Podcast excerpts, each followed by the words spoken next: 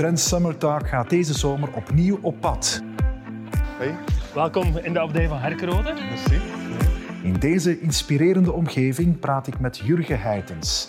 In Congo, 700 kilometer ten noordoosten van Kinshasa, richtte hij in 2012 de NGO Faya Lobby op, een herbebossingsproject met sociale inslag.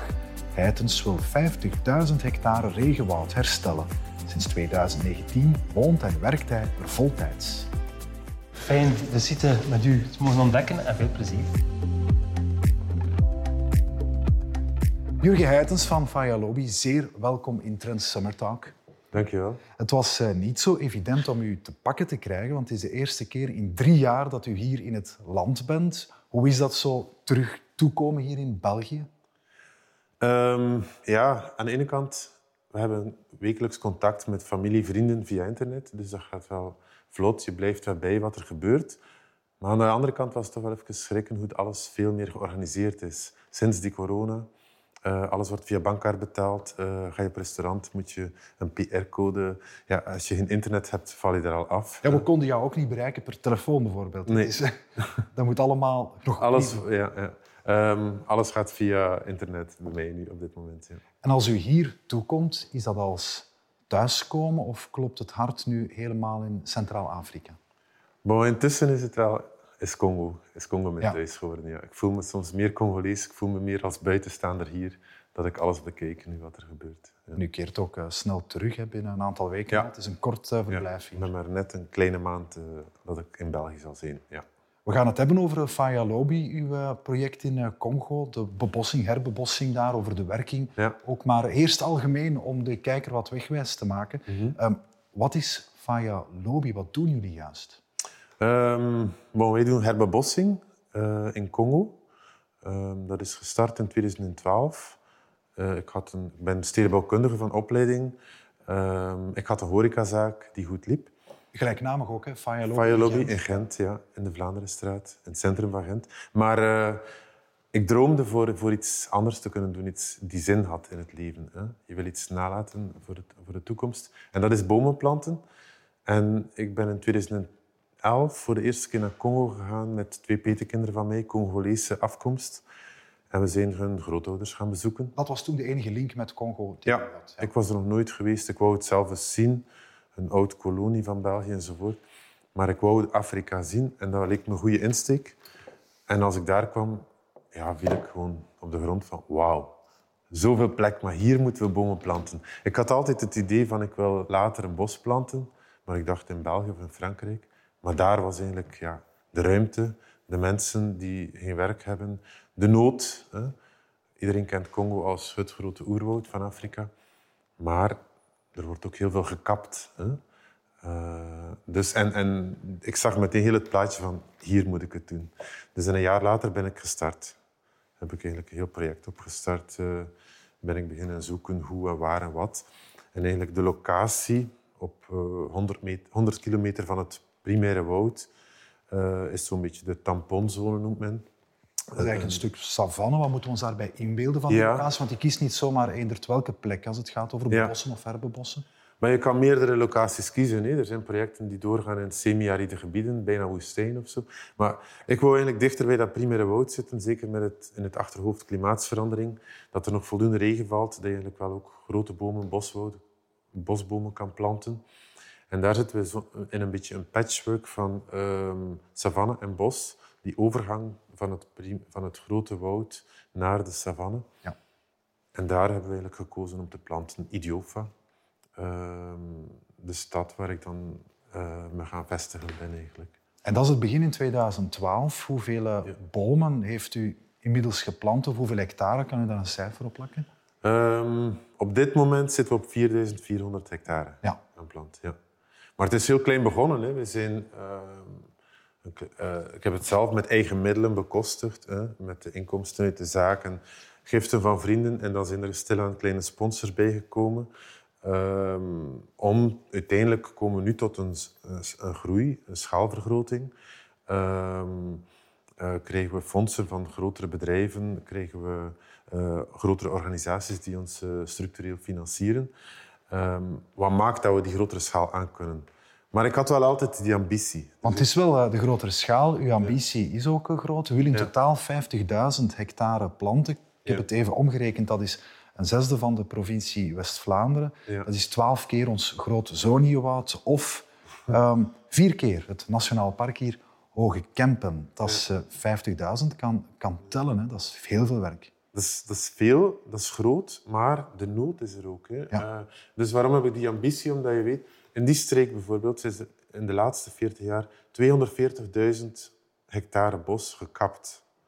Dus uh, ja, die mensen doen dat niet zomaar. Die zitten in armoede, die overleven. Dus uh, dan moet je graaien wat je kan om, om te overleven. En als dat destructief is, dan is dat zo. Dat is hier vroeger in de middeleeuwen ook gebeurd. Alles is gekapt. Voor... Dus daar gebeurt dat nu. Maar met desastreuze gevolgen voor ons, voor iedereen. Want uh, uh, dit is de long van de wereld. Hè. Ja, en u doet het ook een stuk uh, vanuit de bezorgdheid over ja, de globale klimaatverandering. Hè. Dat is, ja. bebossing is het concrete project, maar u vecht eigenlijk voor het klimaat. Daar komt het klimaat en biodiversiteit. Ja. Dus beide. Um, wij planten niet uh, uh, enkel soorten die heel snel groeien. Hè. wij planten eigenlijk de lokale woudsoorten met dan een mix om tot sneller bos te komen. Maar de bedoeling is natuurherstel en daarnaast dan de duurzame ontwikkeling voor die bevolking. Want je kan geen bos planten in Congo die zal blijven bestaan als de bevolking niet mee is. Ja. Overheerst dat natuurherstel. Ehm, op welke manier, ja, dat regenwoud in Congo is het grootste na het mhm. Amazonegebied. Op welke manier staat dat onder druk? U zei het al, er wordt gekapt zoals wij er ooit ook gekapt hebben. Ja. Ehm, hoe fors staat dat onder druk? Hoeveel bos verdwijnt er? Bon, het is het wordt toch steeds erger. Hè? Um, het is nog niet zo zoals in Brazilië of eh, in het Amazonewoud. Um, daar is eigenlijk al de helft weg. Hè? En daar komt het Amazonewoud nu onder druk dat ze eigenlijk uh, eh, CO2 uitstoten zelfs. Hè?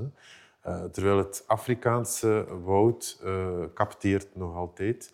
Maar we moeten, dit is onze long, dit is onze tresor, die we moeten beschermen. Hm? Um, er is nu al 17% van verdwenen op dit moment. en het gebeurt vooral door uh, lokale bevolking die eigenlijk landbouw wil maken en die de bomen kapt voor laten kappen door mensen die uh, zaagmachines hebben voor houtskool. Voor uh, planken, pardon. Want dat is natuurlijk een stuk de moeilijke balans. Er is de behoefte van een groeiende bevolking ook aan inkomen, aan voeding, aan landbouwgronden. Ja. Ja.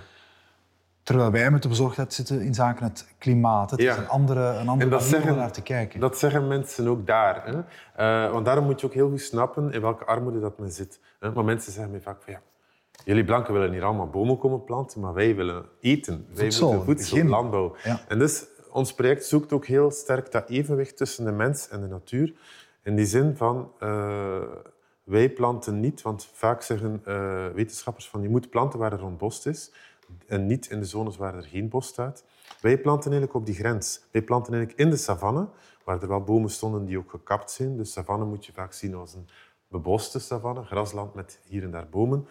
Um, maar daar planten we eigenlijk het bos in, want waar er echt bos gekapt is, hebben die mensen nodig voor landbouw. En als we daar bomen gaan planten terug of laten regenereren, neem je eigenlijk landbouwgrond af, moeten ze nog sneller weer nieuw bos kappen. Ja, ja. En onze doelstelling is eigenlijk dat lokaal primair woud bewaren, dat de mensen dat niet meer kappen.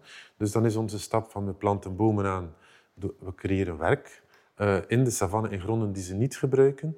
En daarnaast uh, starten we nu ook agroforesterie op. Dus dat men dan op langere termijn niet meer moet landbouw doen in die bossen of niet meer moet kappen, maar dat ze eigenlijk stukken hebben van savanne waar bomen aangeplant worden, die de grond vruchtbaarder maken, waartussen ze kunnen blijven landbouw doen.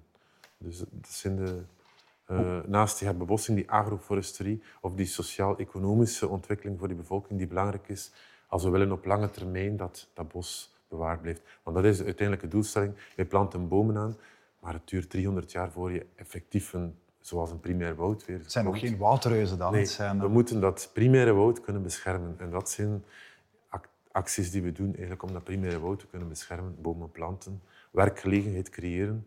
Want ja, dat is de grootste vraag die ik krijg van mensen. Waarom? Ik vraag, waarom kappen jullie dat bos? Jullie weten toch dat je iets kapot maakt?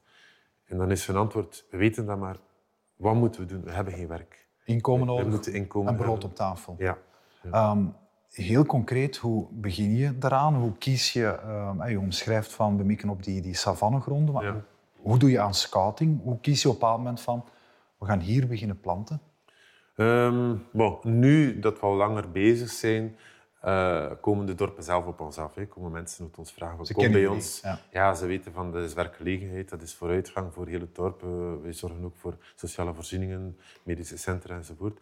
Dus, maar de, in eerste instantie, ehm, wij selecteren, wij zoeken ehm, naar gemeenschappen. Dus het zijn altijd clans die gronden beheren, die eigenlijk gronden in gebruiksrecht hebben. Ehm, maar alle gronden zijn van, eigen, van eigendom van de staat, van de overheid. Ja. Daar. Maar dus, eh, wij maken een akkoord met die bevolking, eh, met die clans, met die clanoversten, en we spreken met de totale bevolking van het dorp, dat we een akkoord zien. We testen eerst van, zijn daar geen conflicten? Want gronden zijn grote conflicten in Afrika omdat het niet als hier is dat één iemand eigenaar is, maar het is een hele familie die eigenaar is. Als er iemand van de familie bijvoorbeeld als diaspora naar Kinshasa gaan wonen, is gestudeerd heeft, kan hij denken van ja, maar wat gaan die daar doen? Eh, onze, onze gronden eh, in gebruik nemen, we gaan die niet meer kunnen verkabelen later of gebruiken voor andere, eh, voor landbouw of, enzovoort. Dus dat kan soms tot conflicten leiden. Dat we zeggen van oké, daar blijven we vanaf. Wij proberen een akkoord te hebben, goed uit te leggen wat, wat we willen doen, wat hun voordeel is, waarom we het doen. Als we zien dat het oké is, dan wordt er een akkoord gesloten waar dat eigenlijk de gronden eh, in de grondenbank komen van de NGO, Faya Lobby. Maar de clan wordt lid, wordt eigenlijk uh, membre communautaire van de NGO. En daarin is bepaald dat de membre communautaire eigenlijk wel de, uh, de inkomsten uit die gronden moet blijven behouden. Dus als er later door Als het bos... die agroforesterie waarover u spreekt, Voilà. moest ooit ontgonnen worden? is voor dan, die eh, bevolking. ja. Eh, als, dat nu, als er nu koffie geplant wordt of, of eh, bosgroenten, is dat voor die bevolking. Als er ooit bomen gekapt worden voor uitdunning, voor een bosbeheer, eh, is dat ook weer voor die bevolking. Of als we zeg maar, zouden carbon credits krijgen, ehm, als dat niet in een ander contract zit, maar dat, dat het inkomsten naar de NGO komen, dan zijn die inkomsten om iets te doen met die bevolking terug. Dus dat moet heel duidelijk blijven, die link. Ehm, Dus bijvoorbeeld via de carbon credits die westerse bedrijven of Europese bedrijven betalen om bos aan te plannen, Mhm. planten, kan er een deeltje gaan naar die gemeenschap die oorspronkelijk eigenaar is en was van, eh, van ja, de grond. bijvoorbeeld. Ja. U verwees naar die agroforesterie. Als men denkt, ja, wat zit dit voor mij? Zou er daar voor hen een toekomst kunnen inzitten? Eh, een bos levert heel wat op. Wa- waarover gaat dat dan juist? Want dat staat nog in kinderschoenen. Hè? De bossen Ja. zijn nog jong. U sprak over eh, koffie, citrusvruchten en zo meer. Wat, Welke vruchten kunnen er uiteindelijk uit dat bos komen? Bon, dat, dat kan heel divers zijn. Ehm, onze doelstelling is eerst eh, bomen planten. Hè. Als die, die bossen groot genoeg zijn, moeten we daarnaast die ruimte effectief... Eerst hebben we werkgelegenheid, maar dan moeten we die mensen kunnen ook een toekomst geven. Dus eh, dat kan zijn intercrops. Dat, dat betekent dat je eh, bijvoorbeeld maniok plant en daartussen bomen plant. Dat doen wij nu de eerste jaren. Hè. Ehm, dus terwijl dat de grond bewerkt wordt voor die bomen te planten, hebben zij al een inkomst uit hun maniok. Daarna eh, wordt dat bos, dus dan blijven we daaruit. We doen ehm, dan ook een soort eh, zones nu waar we wengi planten om de 15 meter. En daartussen blijven er dan, dus die bomen geven bladafval, daartussen kunnen er blijven teelten gedaan worden. Ehm, we hebben eh, in het bos hebben we nu testen gedaan met fumbwa. Dat is een soort liaan waar men, dat men het blad van eet als een bosgroente. Ehm, je hebt ook eh, bandindi, mikungu, je hebt verschillende soorten bosgroenten die men veel eet. Maar het zijn vaak de dingen die net eerst verdwijnen waar men bos kapt. Ja, ja. Want die ja. groeien in die randzones van het bos. Maar die worden dus in Kinshasa duurder. Dus als, dat is ook een teken naar die bevolking. Oké, als dat in hun bos geplant wordt, kunnen ze dat zelf gaan telen. We hebben ook bomen die rupsens aantrekken. Dus die Rupsen? rupsens worden gegeten. Ja. Dat is een heel proteïnerijk iets. Dat wordt ook verkocht op de markt gedroogd enzovoort. Dat is een hele business eigenlijk. Dus we willen dat creëren voor die bevolking, eh, zodat ze die belang, dat belang van die bossen eh, zien en in stand houden. Ehm, en dan kun je ook gaan naar eh, teelten zoals koffie ehm, of cashewnoten, een soort boomgaardplanten eigenlijk. Ehm, ehm, we hebben daar testen mee gedaan, dat, dat lukt in deze streek. Dus wat je moet ook zien wat er haalbaar is, wat er functioneert. Ehm, koffie hebben we eigenlijk iets rijkere gronden nodig. Ehm, maar dat kan ook een, een, een dat willen we ook gaan doen om een diversiteit te hebben. Hè. Dat niet alles van één soort uh, uh, gewas afhangt. Ja, we leren veel over de rijkdom van, uh, van zo'n regenwoud. Hè. Um, over jullie werking. Er is een stevige booster geweest door hiervan bij ons, het bedrijf Colruyt, dat er een stukje op, op u een beroep heeft ja. gedaan, op uw organisatie. Um, zij willen broeikasgassen neutraliseren en kunnen dat dan door via u bossen te gaan planten. Hoe staat het met dat project? Van welke grootte is dat? Ja, dus het, uh, de doelstelling van Colruyt is ze willen 10.000 hectare bos planten. Uh, maar dat is eigenlijk een project die naast ons project bestaat, kan je zeggen, want uh, ze zitten op 350... Het is ook een andere locatie. Het is een andere locatie. Ze hebben ons gevraagd, omdat wij onze know-how en kennis ja. hebben, om... we zijn een van de twee NGO's die daar hun project doet. Dus we planten dit jaar 2000 hectare voor hun. We hebben er al 1400 hectare geplant nu. Um, dus... Um, maar dat blijft natuurlijk hun project. Hè. Um, en daar leren wij ook een stuk uit. We hebben nu ook een andere partner, WRI, de World Resource uh, Institute uit Amerika, die uh, ons financiert voor ook in Idiofa uh, dezelfde grote orde te gaan planten. En eigenlijk, dus op een, de bedoeling is daar ook 10.000 hectare in vijf jaar um, neer te zetten. Maar nu het eerste jaar is 1000 hectare als test wat we doen. Um, dus dat zijn grotere... We, we, verschalen eigenlijk, we veranderen van, van schaalgrootte. We hebben eerst gepioneerd uh, met woudbomen, met welke soorten groeien er, op welke gronden planten we, hoe werkt dat met die bevolking. Om dus eigenlijk een kennis van zaken die u ja. nu heeft, waardoor u elders in Congo vrij snel kan, kan uitrollen. Voilà. Nu kunnen we rapper en liever niet elders, maar liever in onze streek, uh, om alles samen te houden, kunnen we op een grotere schaal gaan uh, dat organiseren, want die nood is er. Ja. En da daarom heb ik ook die ambitie. Ik ben niet naar Congo gegaan om in mijn hangmat te liggen. um, maar dus dat, dat, dat, zijn we mee bezig. En daar leren we ook uit. Hè. We leren bijvoorbeeld ook uit uh, die verschaling, of dat we meer met die carbon credits in aanraking gaan komen met bedrijven die willen compenseren wat ze hier uitstoten. Wat heel goed is, want dat geeft fondsen om te kunnen bomen planten. Dat geeft geld om de bevolking te kunnen laten functioneren. Maar daar leren we ook wel uit van, wij zijn een NGO, wij hebben ons objectief en we moeten dat heel duidelijk houden. Wij, zijn een, uh, uh, wij willen die biodiversiteit uh, verzekeren. Hè. Het gaat niet alleen over carbon credits over snelle groeiers. Ja, je moet eigenlijk het, snel te incasseren. Het gaat niet alleen over broeikasgassen. Voilà. Je moet jullie doelstellingen rijmen met wat die bedrijven ja. willen bereiken. Dus en dat, probe dat, proberen we nu ook met nieuwe partners die in, in, de picture komen, heel duidelijk ook af te spreken van oké, okay, we hebben de biodiversiteit en we hebben um, die sociale economische voorzieningen voor de bevolking die belangrijk zijn. In die zin, uh, uh, ja, dat toont een stevige groei waar jullie uh, mee bezig zijn. Het verandert ook wel uw rol. Hè. Het begon met een ja, vrij klein persoonlijk project in ja. 2012, 2019 de volle schouders eronder, bent u er gaan wonen. Maar inmiddels, ik las ook dat u nu vaak moet pendelen tussen verschillende projecten en dat is nog iets anders dan hier de snelweg nemen. Uh, bijvoorbeeld naar het Colruyt-project. Ja. Um, u gaat engagementen aan met grote bedrijven die return on investment willen. De kleine organisatie wordt groter en groter en groter. Grotere zorgen ook en administratieve ja. lasten en zo. Je moet echt managen, meer dan ooit. Mm -hmm.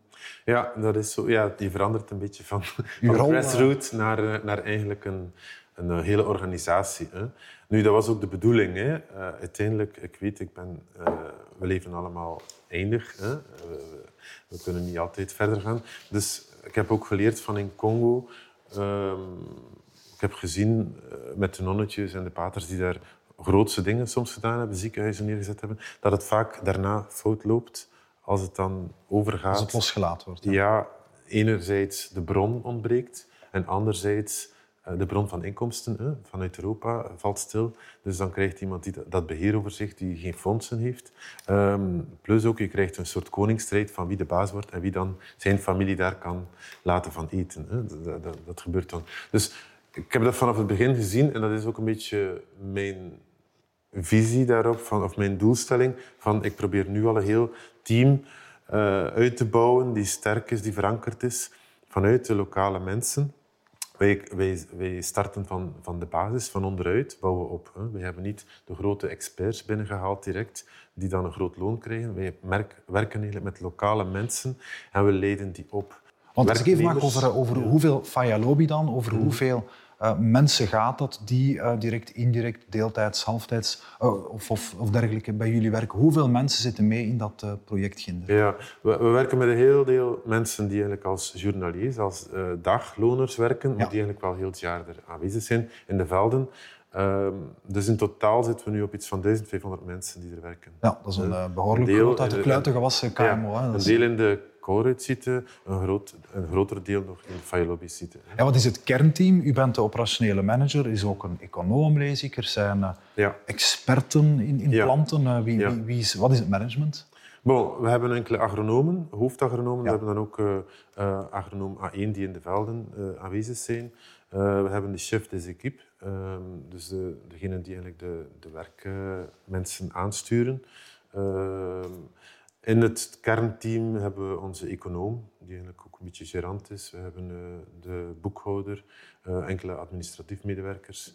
Ehm, en dan hebben we eigenlijk van elke onderdeel eh, het hoofd, zeg maar, die erin zit. Ja. Het is een chaotisch land, zegt Mhm. u. Hoe positioneert die overheid in Congo zich tegenover zo'n NGO als die van jullie? Hoe loopt die samenwerking?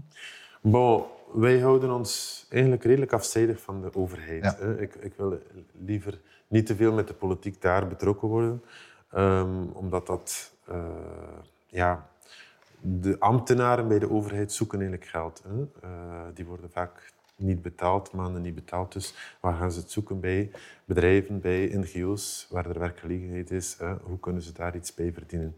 Ehm, door taxen of niet bestaande taxen of wel bestaande taxen te leggen. Dus wij houden ons een beetje afzijdig. Wij, weten, wij, wij kennen wel alle wetten, eh, dus ons onze team eh, beheert dat. Eh, dat, we, dat we correct zijn met de overheid, maar dat we niet te veel het contact opzoeken eigenlijk.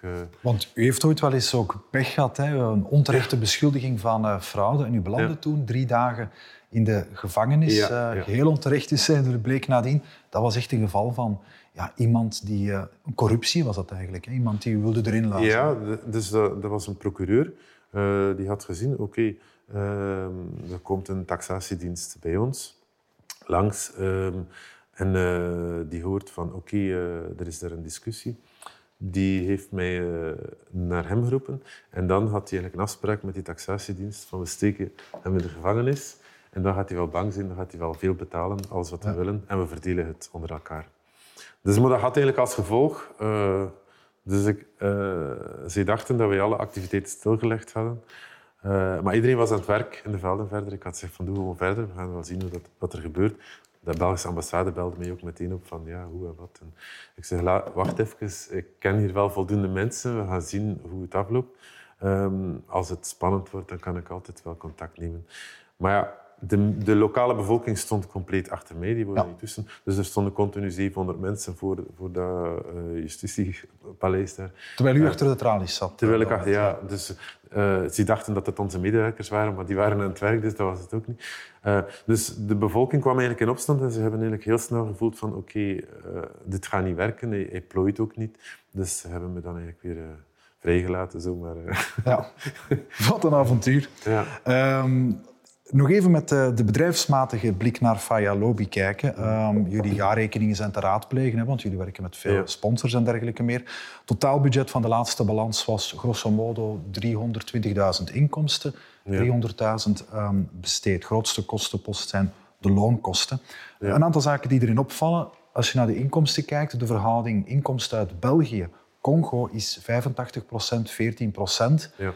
Wat nogmaals illustreert wat het erover dat die herbebossing vanuit Europa wordt gefinancierd. Ja, Inkomsten uit Congo zijn beperkt. Ja, dat is ook zo. Hè. Als we willen eh, dat er bos komt, eh, de lokale bevolking kan dat niet, niet betalen. Hè.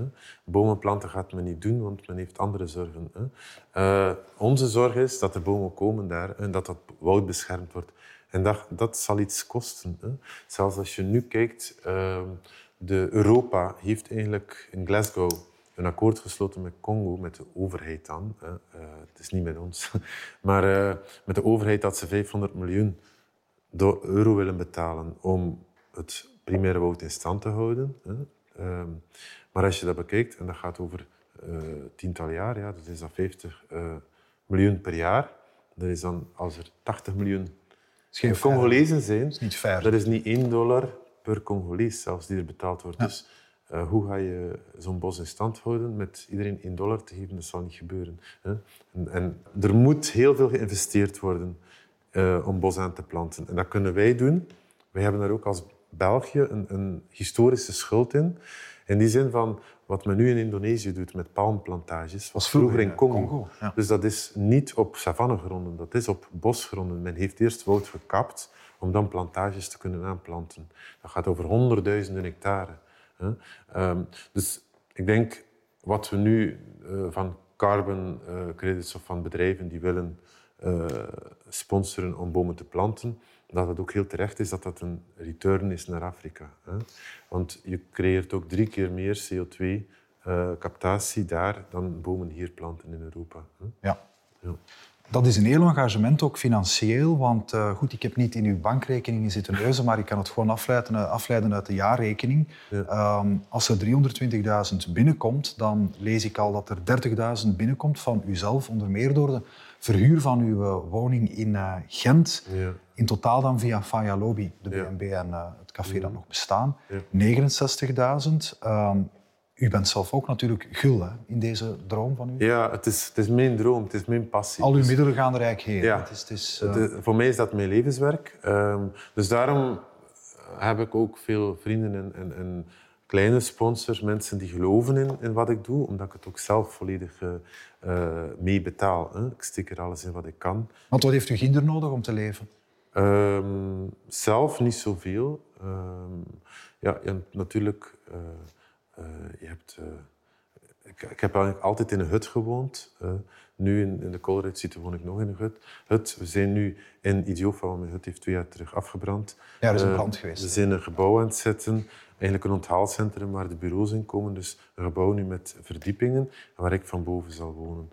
Um, dus ik zal uiteindelijk meer in een comfortabele... meer comfort. ja, na tien jaar maar dan nog, wordt dat wel nodig. Ja. Maar eigenlijk heb je verder niet veel nodig om te leven. Hè. Uh, gewoon eten en, en drinken en, en uh, wat transportmiddelen mogelijk, dan, dan kun je leven. Hè. Een ander groot deel van de inkomsten, of het grootste deel, zijn eigenlijk uh, sponsors, zowel privé als bedrijven, en ook uh, crowdfunding. Ja. Stel iemand, een privépersoon, een bedrijf, is geïnteresseerd om Faya Lobby te supporteren. Hoe gaat dat dan? Waar kan die terecht?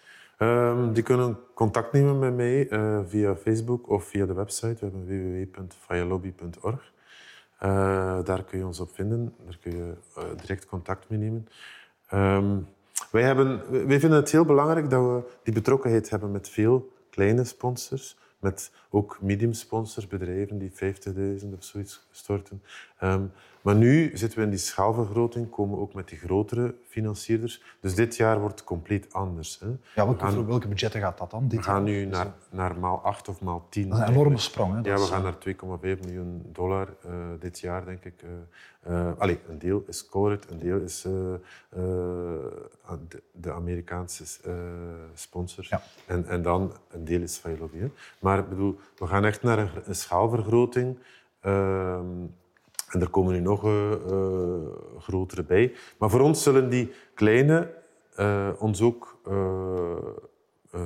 scherp houden. Hè? Want daardoor, doordat wij bijvoorbeeld sponsoring of financiering kregen van West-Vlaanderen, hebben we kunnen pionieren op die agroforesterie. En de provincie Oost-Vlaanderen ook. Hè? We hebben kleinere gemeentes, Wevelgem, Ieper... Ehm, uh, Stad Gent, Melle, Everhem, die ons gesponsord hebben. Gaveren, ik denk, uh, wie nog. Um, we hebben zo gemeentes die dan 1000 of 2000 of 4000 euro sponsoren. Um, maar daarmee kunnen we pionieren. Ja. Daarmee kunnen we uh, nieuwe sociale acties oprichten die eigenlijk een grote sponsor niet zal betalen. Dat is een anders dan een deal met een bedrijf. Ja, die willen, je... En als je, als je niet je kennis hebt van hoe ga je het organiseren, hadden we ook niet die bedrijven kunnen hun, hun 2000 hectare aanplanten bijvoorbeeld. Want je kan niet vanuit de startblokken schieten en plots denken van ik ga nu eens 2000 hectare planten in een land dat je niet kent. Je hebt die opbouw nodig. Hè. Dus voor mij blijft dat allebei belangrijk. En ook om onze doelstellingen, onze objectieven zuiver te houden, hebben we vaker die kleinere die eh, sponsors die ons meer specifiek zeggen van ja, maar we willen ook wel dat het voor de bevolking komt. Of we willen dat de vrouwen ook aan bod komen. Hè, eh, of eh, andere specifieke eisen. Ja die wij ook belangrijk vinden als NGO en, en die, we, die ons dan ook uh, ondersteunt om te zeggen van oké, als we nu naar een bedrijf stappen, moet dat er ook in zitten, bijvoorbeeld. Dat zijn die kleine sponsors en dat kan dus via www.fayalobby.org. Geef het toch maar even mee. Uh, wij, wij, moeilijke naam om te schrijven. Faya Lobby. Um, en je schrijft het zoals je het uitspreekt. Hè. Ja. Wij hebben nu geen sponsoring, maar wel een kleine uh, attentie voor u. U bent helemaal naar hier gekomen um, om hier vakantie te nemen in eigen land, maar ook hier langsgekomen op deze opname. Uh, het boek Bestemming België. Um, uitgegeven zo net door uitgeverij Erzberg, geschreven door twee historici, Andreas Stijnen en Gerrit Verhoeven. Mm -hmm. Dat vertelt het wel en wee van het toerisme in um, België. Um, het is een beetje met een knipoog, maar dat doen we hier wel graag, want ja, uw bestemming is net de andere kant van ja. uh, de wereld. Er staan veel uh, mooie plekjes in die je Dank vandaag je hier in eigen land kan bezoeken. En om maar uh, te zeggen, u bent net even weer in België. Stel nu, een collega in Congo zegt ik ga op reis naar, naar België. Wat zou je hem aanraden? Waar moet hij heen? Ik vind het eigenlijk nog altijd... Er zijn veel, veel juweeltjes. Hè? Ja. ja. Zeker, eh, zou ik zeggen, Gent, Brussel ook. Um, ik denk dat je uh, eigenlijk in heel België overal plekken vindt. Ja, we zitten hier in de abdij zitten ja. Herkenrode. Dat is dan bij uh, Hasselt. Ja. Is dit iets uniek aan ons land, dat we sites zoals deze hebben, zou je kunnen zeggen? Vergeleken met de rest van de wereld. Vergelijk maar. Kijk maar naar Amerika, die geschiedenis die we hebben. Ja, ja. Europa heeft een, een lange geschiedenis al. Um, maar goed, ik denk dat ieder, ieder land of iedere, iedere uh, continent wel heel historische sites heeft. Maar ik denk dat we hier in België, we, zitten, we hebben eigenlijk een, geschiedenis van 2000 jaar, dat dat we redelijk in het centrum van de wereld gestaan hebben. Ja. Dus dat, dat zal wel blijven, denk ik. Ik denk dat we nu in een andere positie komen, uh, dat Europa niet meer het centrum van de wereld is. Waar is het centrum dan? Uh, ik denk dat het een stuk verschuift naar, naar, uh, naar China. Ja. En voor mij is het zelf, van nu in Congo wonende, kijk ik altijd een beetje raar hoe, hoe Europa zich afschermt van Afrika. Omdat we eigenlijk twee broers zijn, of, of broer en zus zijn. Eigenlijk is Europa, kun je zeggen, een, soort villa-wijk van een grote stad, ja. wat Afrika is. En Europa is aan het verouderen, heeft heel veel uh, kennisrijkdom, heeft ook financiële rijkdom. Maar Afrika heeft de jonge mensen. Um, heeft eigenlijk die, de ambitie om, en heeft ook de artsen, heeft eigenlijk alle mogelijkheden, alles wat we nodig hebben, samen kunnen we organiseren. We zouden veel sterker kunnen staan in een wereld tussen China en de VS zijn als we met, met Afrika als meer Europa met Afrika samenspant, kunnen we echt iets uh, betekenen tegenover die andere geopolitieke blokken. Maar uh, het is precies dat Europa zich afschermt van Afrika. Men is er bang van. Terwijl dat de grootste potentie is die Europa kan hebben, is Afrika. Jurgen Heijtens, zeer bedankt voor dit geweldig verhaal en alles wat jullie doen met Faya Lobby. Dank u wel. En u ook, beste kijker, fijn dat u bij ons was. Dit was de eerste aflevering van Trends Summer Talk. En volgende week zetten we de wereldreis verder. Collega Francesca van Tielen spreekt dan met professor Gert Nonneman. Die is professor internationale betrekkingen in Qatar. Heel graag, tot dan.